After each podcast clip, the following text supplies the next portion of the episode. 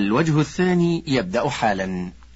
فصل في سياق صلاته صلى الله عليه وسلم بالليل ووتره وذكر صلاة أول الليل. قالت عائشة رضي الله عنها ما صلى رسول الله صلى الله عليه وسلم العشاء قط فدخل علي إلا صلى أربع ركعات أو ست ركعات ثم يأوي إلى فراشه. وقال ابن عباس لما بات عنده صلى العشاء ثم جاء ثم صلى ثم نام.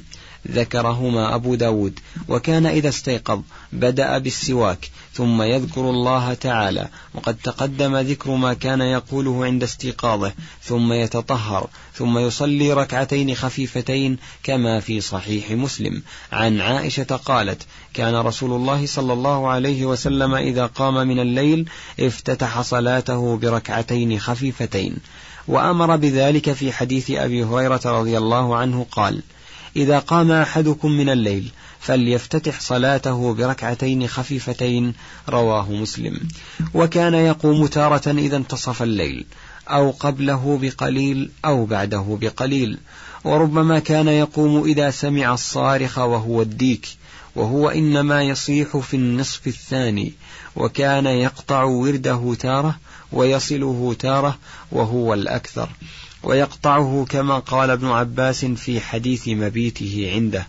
أنه صلى الله عليه وسلم استيقظ فتسوك وتوضأ وهو يقول إن في خلق السماوات والأرض واختلاف الليل والنهار لآيات لأولي الألباب. فقرأ هؤلاء الآيات حتى ختم السورة ثم قام فصلى ركعتين أطال فيهما القيام والركوع والسجود ثم انصرف فنام حتى نفخ ثم فعل ذلك ثلاث مرات بست ركعات. كل ذلك يستاك ويتوضأ ويقرأ هؤلاء الآيات. ثم أوتر بثلاث فأذن المؤذن فخرج إلى الصلاة وهو يقول اللهم اجعل في قلبي نورا وفي لساني نورا واجعل في سمعي نورا واجعل في بصري نورا واجعل من خلفي نورا ومن أمامي نورا واجعل من فوقي نورا ومن تحتي نورا. اللهم أعطني نورا. رواه مسلم. ولم يذكر ابن عباس افتتاحه بركعتين خفيفتين كما ذكرته عائشة. فإما أنه كان يفعل هذا تارة وهذا تارة وإما أن تكون عائشة حفظت ما لم يحفظ ابن عباس وهو الأظهر لملازمتها له ولمراعاتها ذلك ولكونها أعلم الخلق بقيامه بالليل. وابن عباس إنما شاهده ليلة المبيت عند خالته. وإذا اختلف ابن عباس وعائشة في شيء من أمر قيامه بالليل فالقول ما قالت عائشة. وكان قيامه بالليل ووتره أنواعا فمنها هذا الذي ذكره ابن عباس. النوع الثاني الذي ذكرته عائشة أنه كان يفتتح صلاته بركعتين خفيفتين ثم يتمم ورده إحدى عشرة ركعة يسلم من كل ركعتين ويوتر بركعة. النوع الثالث ثلاث عشرة ركعة كذلك. النوع الرابع يصلي ثمان ركعات يسلم من كل ركعتين ثم يوتر بخمس سردا متوالية لا يجلس في شيء إلا في آخرهن. النوع الخامس تسع ركعات يسرد منهن ثمانيا لا يجلس في شيء منهن منهن إلا في الثامنة. يجلس يذكر الله تعالى ويحمده ويدعوه ثم ينهض ولا يسلم ثم يصلي التاسعة ثم يقعد ويتشهد ويسلم ثم يصلي ركعتين جالسا بعدما يسلم. النوع السادس يصلي سبعا كالتسع المذكورة ثم يصلي بعدها ركعتين جالسا. النوع السابع أنه كان يصلي مثنى مثنى ثم يوتر بثلاث لا يفصل بينهن. فهذا رواه الإمام أحمد رحمه الله عن عائشة أنه كان يوتر بثلاث لا فصل فيهن. وروى النسائي عنها كان لا يسلم في ركعتي الوتر وهذه الصفة فيها نظر. فقد روى أبو حاتم ابن حبان في صحيحه. عن أبي هريرة عن النبي صلى الله عليه وسلم لا توتروا بثلاث أوتروا بخمس أو سبع ولا تشبهوا بصلاة المغرب. قال الدار قطني رواته كلهم ثقات. قال مهنا سألت أبا عبد الله إلى أي شيء تذهب في الوتر؟ تسلم في الركعتين؟ قال نعم. قلت لأي شيء؟ قال لأن الأحاديث فيه أقوى وأكثر عن النبي صلى الله عليه وسلم في الركعتين. الزهري عن عروة عن عائشة أن النبي صلى الله عليه وسلم سلم من, سلم من الركعتين وقال حرب.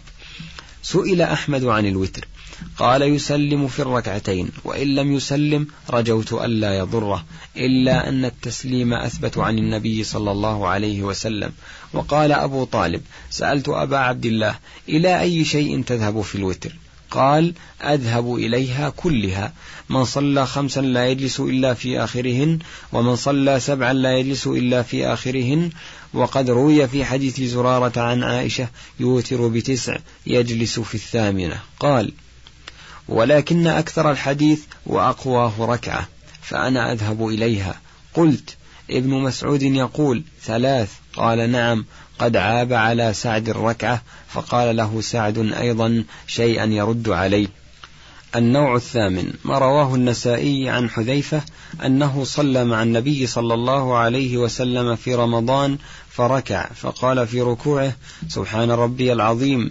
مثل ما كان قائما ثم جلس يقول رب اغفر لي رب اغفر لي مثل ما كان قائما. ثم سجد فقال سبحان ربي الأعلى مثل ما كان قائما. فما صلى إلا أربع ركعات حتى جاء بلال يدعوه إلى الغداة. وأوتر أول الليل ووسطه وآخره وقام ليلة تامة بآية يتلوها ويرددها حتى الصباح وهي إن تعذبهم فإنهم عبادك. وكانت صلاته بالليل ثلاثة أنواع أحدها وهو أكثرها صلاته قائما. الثاني أنه كان يصلي قاعدا ويركع قاعدا. الثالث أنه كان يقرأ قاعدا فإذا بقي يسير من قراءته قام فركع قائما والأنواع الثلاثة صحت عنه.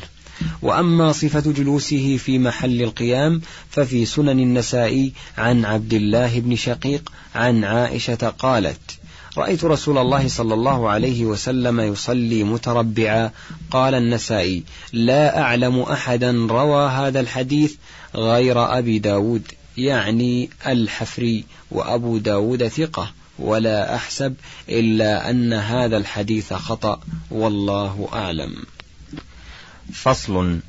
وقد ثبت عنه صلى الله عليه وسلم أنه كان يصلي بعد الوتر ركعتين جالسا تارة وتارة يقرأ فيهما جالسا فإذا أراد أن يركع قام فركع. وفي صحيح مسلم عن أبي سلمة قال سألت عائشة رضي الله عنها عن صلاة رسول الله صلى الله عليه وسلم فقالت كان يصلي ثلاث عشرة ركعة يصلي ثمان ركعات ثم يوتر ثم يصلي ركعتين وهو جالس فإذا أراد أن يركع قام فركع ثم يصلي ركعتين بين النداء والإقامة من صلاة الصبح وفي المسند عن أم سلمة أن النبي صلى الله عليه وسلم كان يصلي بعد الوتر ركعتين خفيفتين وهو جالس. وقال الترمذي روي نحو هذا عن عائشة وأبي أمامة وغير واحد من عن النبي صلى الله عليه وسلم. وفي المسند عن أبي أمامة أن رسول الله صلى الله عليه وسلم كان يصلي ركعتين بعد الوتر وهو جالس. يقرأ فيهما بإذا زلزلت وقل يا أيها الكافرون. وروى الدار قطني نحوه من حديث أنس رضي الله عنه. وقد أشكل هذا على كثير من الناس فظنوه معارضا لقوله صلى الله عليه وسلم اجعلوا آخر صلاتكم بالليل وترا. وأنكر مالك رحمه الله هاتين الركعتين. وقال أحمد لا أفعله ولا أمنع من فعله. قال وأنكره مالك وقال الطائفة إنما فعل هاتين الركعتين ليبين جواز الصلاة بعد الوتر وأن فعله لا يقطع التنفل. وحملوا قوله اجعلوا آخر صلاتكم بالليل وترا على الاستحباب وصلاة الركعتين بعده على الجواز. والصواب أن يقال إن هاتين الركعتين تجريان مجرى السنة وتكميل الوتر. فإن الوتر عبادة مستقلة ولا سيما إن قيل بوجوبه. فتجري الركعتان بعده مجرى سنة المغرب من المغرب فإنها وتر النهار والركعتان بعدها تكميل لها فكذلك الركعتان بعد وتر الليل والله أعلم. فصل. ولم يحفظ عنه صلى الله عليه وسلم أنه قنت في الوتر إلا في حديث رواه ابن ماجه عن علي بن ميمون الرقي حدثنا مخلد بن يزيد عن سفيان عن زبيد اليامي عن سعيد بن عبد الرحمن بن أبزة عن أبيه عن أبي بن كعب أن رسول الله صلى الله عليه وسلم كان يوتر فيقنت قبل الركوع. وقال أحمد في رواية ابنه عبد الله أختار القنوت بعد الركوع. إن كل شيء ثبت عن النبي صلى الله عليه وسلم في القنوت إنما هو في الفجر لما رفع رأسه من الركوع وقنوت الوتر أختاره بعد الركوع ولم يصح عن النبي صلى الله عليه وسلم في قنوت الوتر قبل أو بعد شيء. وقال الخلال أخبرني محمد بن يحيى الكحال أنه قال لأبي عبد الله في القنوت في الوتر فقال ليس يروى فيه عن النبي صلى الله عليه وسلم شيء ولكن كان عمر يقنت من السنة إلى السنة. وقد روى أحمد وأهل السنن من حديث الحسن بن علي رضي الله عنهما قال علمني رسول الله صلى الله عليه وسلم كلمات أقولهن في الوتر اللهم اهدني فيمن هديت وعافني فيمن عافيت وتولني فيمن توليت وبارك لي فيما أعطيت وقني شر ما قضيت إنك تقضي ولا يقضى عليك. إنه لا يذل من واليت تباركت ربنا وتعاليت. زاد البيهقي والنسائي ولا يعز من عاديت. وزاد النسائي في روايته وصلى الله على النبي. وزاد الحاكم في المستدرك وقال علمني رسول الله صلى الله عليه وسلم في وتري إذا رفعت رأسي ولم يبق إلا السجود. ورواه ابن حبان في صحيحه ولفظه سمعت رسول الله صلى الله عليه وسلم يدعو. قال الترمذي وفي الباب عن علي رضي الله عنه وهذا حديث حسن لا نعرفه إلا من هذا الوجه من حديث أبي الحوراء السعدي واسمه ربيعة بن شيبان ولا نعرف عن النبي صلى الله عليه وسلم في القنوت في الوتر شيئا أحسن من هذا. انتهى. والقنوت في الوتر محفوظ عن عمر وابن مسعود والرواية عنهم أصح من القنوت في الفجر والرواية عن النبي صلى الله عليه وسلم في قنوت الفجر أصح من الرواية في قنوت الوتر والله أعلم. وقد روى أبو داود والترمذي والنسائي من حديث علي بن أبي طالب رضي الله عنه أن رسول الله صلى الله عليه وسلم كان يقول في آخر وتره اللهم إني أعوذ برضاك من سخطك وبمعافاتك من عقوبتك وأعوذ بك منك. لا أحصي ثناء عليك أنت كما أثنيت على نفسك وهذا يحتمل أنه قبل فراغه منه وبعده. وفي إحدى الروايات عن النسائي كان يقول إذا فرغ من صلاته وتبوأ مضجعه وفي هذه الرواية لا أحصي ثناء عليك ولو حرصت. وثبت عنه صلى الله عليه وسلم أنه قال ذلك في السجود فلعله قاله في الصلاة وبعدها. وذكر الحاكم في المستدرك من حديث ابن عباس رضي الله عنهما في صلاة النبي صلى الله عليه وسلم ووتره. ثم أوتر فلما قضى صلاته سمعته يقول اللهم اجعل في قلبي نورا وفي بصري نورا وفي سمعي نورا وعن يميني نورا وعن شمالي نورا وفوقي نورا وتحتي نورا وأمامي نورا وخلفي نورا واجعل لي يوم لقائك نورا.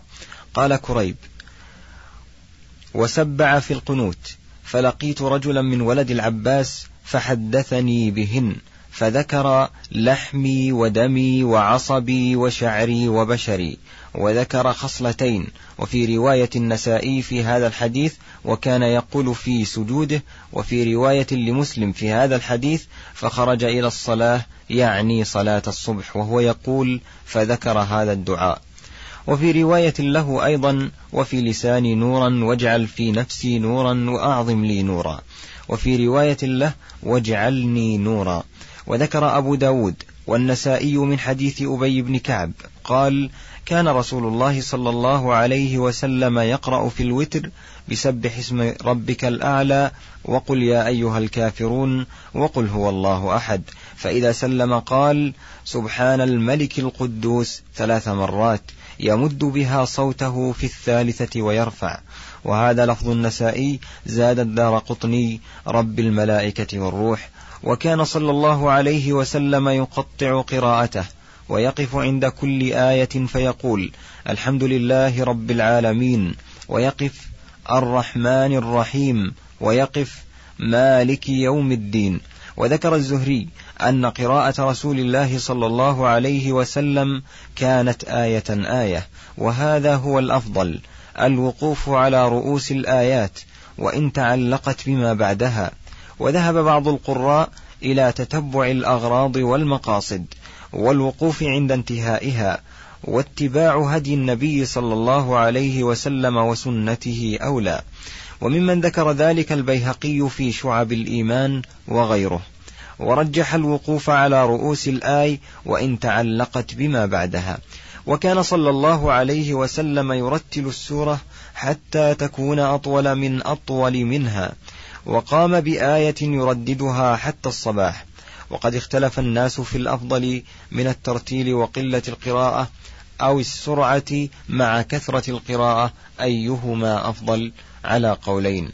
فذهب ابن مسعود وابن عباس رضي الله عنهما وغيرهما إلى أن الترتيل والتدبر مع قلة القراءة أفضل من سرعة القراءة مع كثرتها. واحتج أرباب هذا القول بأن المقصود من القراءة فهمه وتدبره والفقه فيه والعمل به وتلاوته وحفظه وسيلة إلى معانيه. كما قال بعض السلف نزل القرآن ليعمل به فاتخذوا تلاوته عملا ولهذا كان أهل القرآن هم العالمون به والعاملون بما فيه وإن لم يحفظوه عن ظهر قلب. وأما من حفظه ولم يفهمه ولم يعمل بما فيه فليس من أهله وإن أقام حروفه إقامة السهم. قالوا ولأن الإيمان أفضل الأعمال وفهم القرآن وتدبره هو الذي يثمر الإيمان. وأما مجرد التلاوة من غير فهم ولا تدبر فيفعلها البر والفاجر والمؤمن والمنافق. كما قال النبي صلى الله عليه وسلم ومثل المنافق الذي يقرأ القرآن كمثل الريحانة ريحها طيب وطعمها مر. والناس في هذا أربع طبقات أهل القرآن والإيمان وهم أفضل الناس والثانية من عدم القرآن والإيمان الثالثة من أوتي قرآنا ولم يؤت إيمانا الرابعة من أوتي إيمانا ولم يؤت قرآنا. قالوا فكما أن من أوتي إيمانا بلا قرآن أفضل ممن أوتي قرآنا بلا إيمان. فكذلك من أوتي تدبرا وفهما في التلاوة أفضل ممن أوتي كثرة قراءة وسرعتها بلا تدبر. قالوا وهذا هدي النبي صلى الله عليه وسلم فإنه كان يرتل السورة حتى تكون أطول من أطول منها وقام بآية حتى الصباح. وقال أصحاب الشافعي رحمه الله كثرة القراءة أفضل واحتجوا بحديث ابن مسعود رضي الله عنه قال قال رسول الله صلى الله عليه وسلم من قرأ حرفا من كتاب الله فله به حسنة والحسنة بعشر أمثالها لا أقول ألف لام ميم حرف ولكن ألف حرف ولام حرف وميم حرف. رواه الترمذي وصححه. قالوا ولأن عثمان بن عفان قرأ القرآن في ركعة وذكروا آثارا عن كثير من السلف في كثرة القراءة والصواب في المسألة أن يقال إن ثواب قراءة الترتيل والتدبر أجل وأرفع قدرا وثواب كثرة القراءة أكثر عددا فالأول كمن تصدق بجوهرة عظيمة أو أعتق عبدا قيمته نفيسة جدا والثاني كمن تصدق بعدد كثير من الدراهم. أو أعتق عددا من العبيد قيمتهم رخيصة. وفي صحيح البخاري عن قتادة قال سألت أنسا عن قراءة النبي صلى الله عليه وسلم فقال كان يمد مدا. وقال شعبة حدثنا أبو جمرة قال قلت لابن عباس إني رجل سريع القراءة وربما قرأت القرآن في ليلة مرة أو مرتين. فقال ابن عباس لأن أقرأ سورة واحدة أعجب إلي من أن أفعل ذلك الذي تفعل.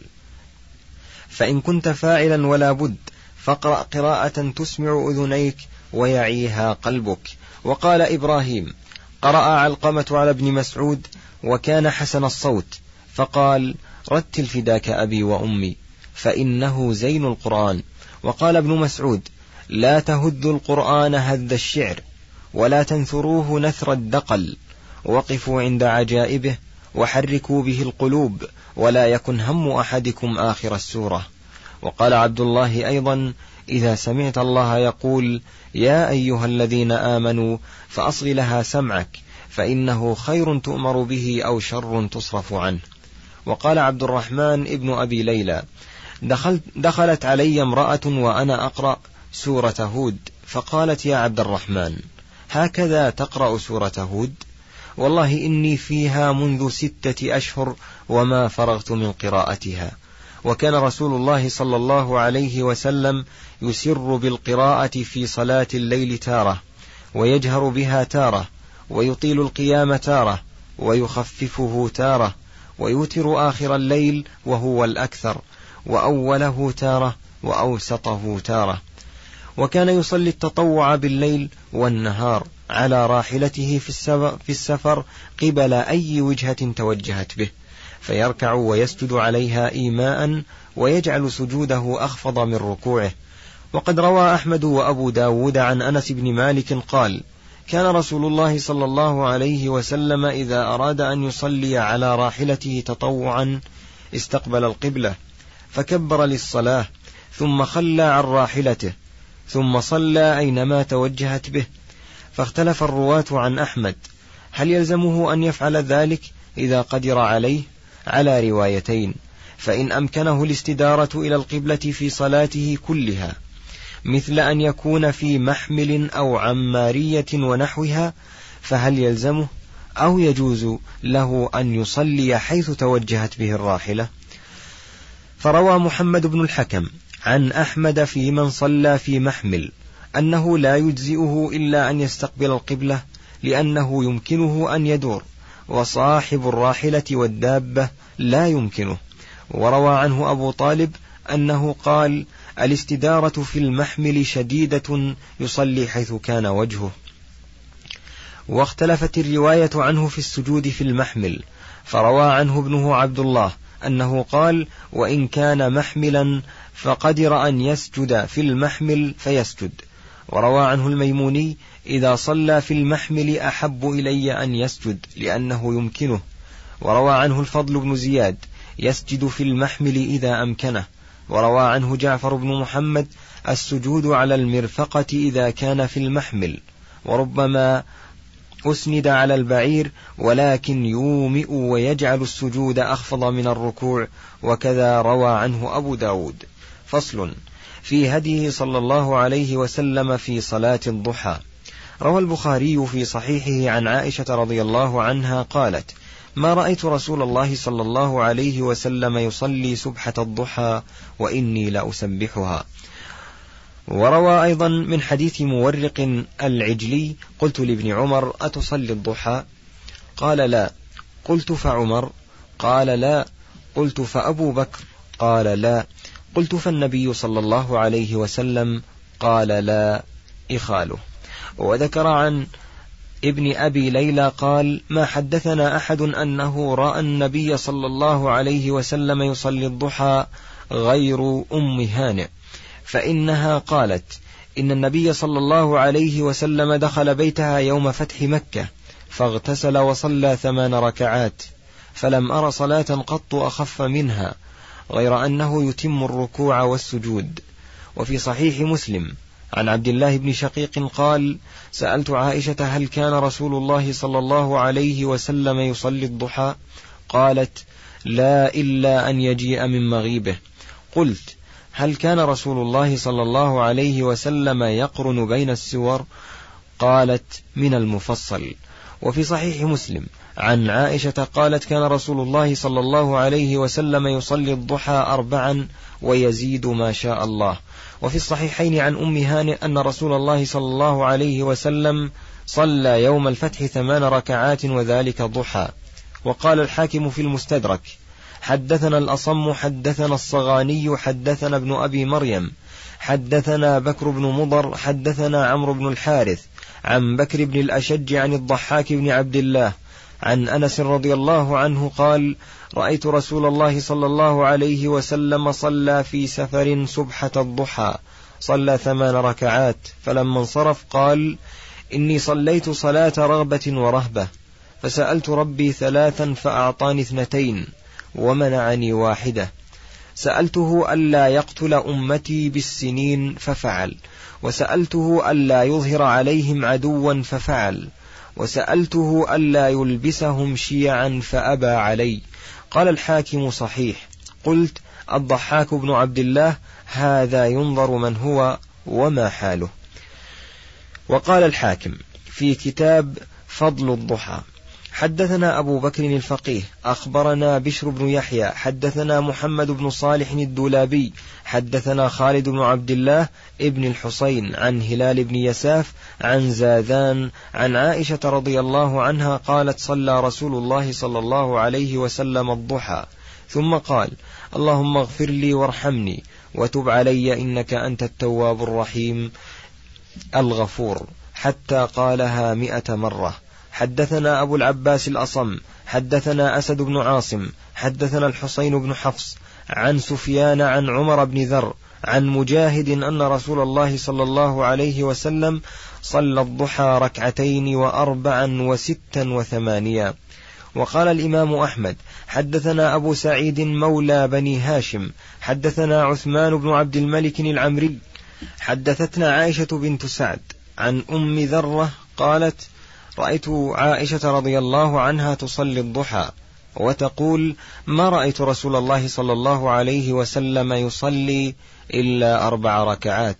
وقال الحاكم أيضا أخبرنا أبو أحمد بكر بن محمد المروزي حدثنا أبو قلابة حدثنا أبو الوليد حدثنا أبو عوانة عن حسين بن عبد الرحمن عن عمرو بن مرة عن عمارة بن عمير عن ابن جبير بن مطعم عن أبيه أنه رأى رسول الله صلى الله عليه وسلم يصلي صلاة الضحى.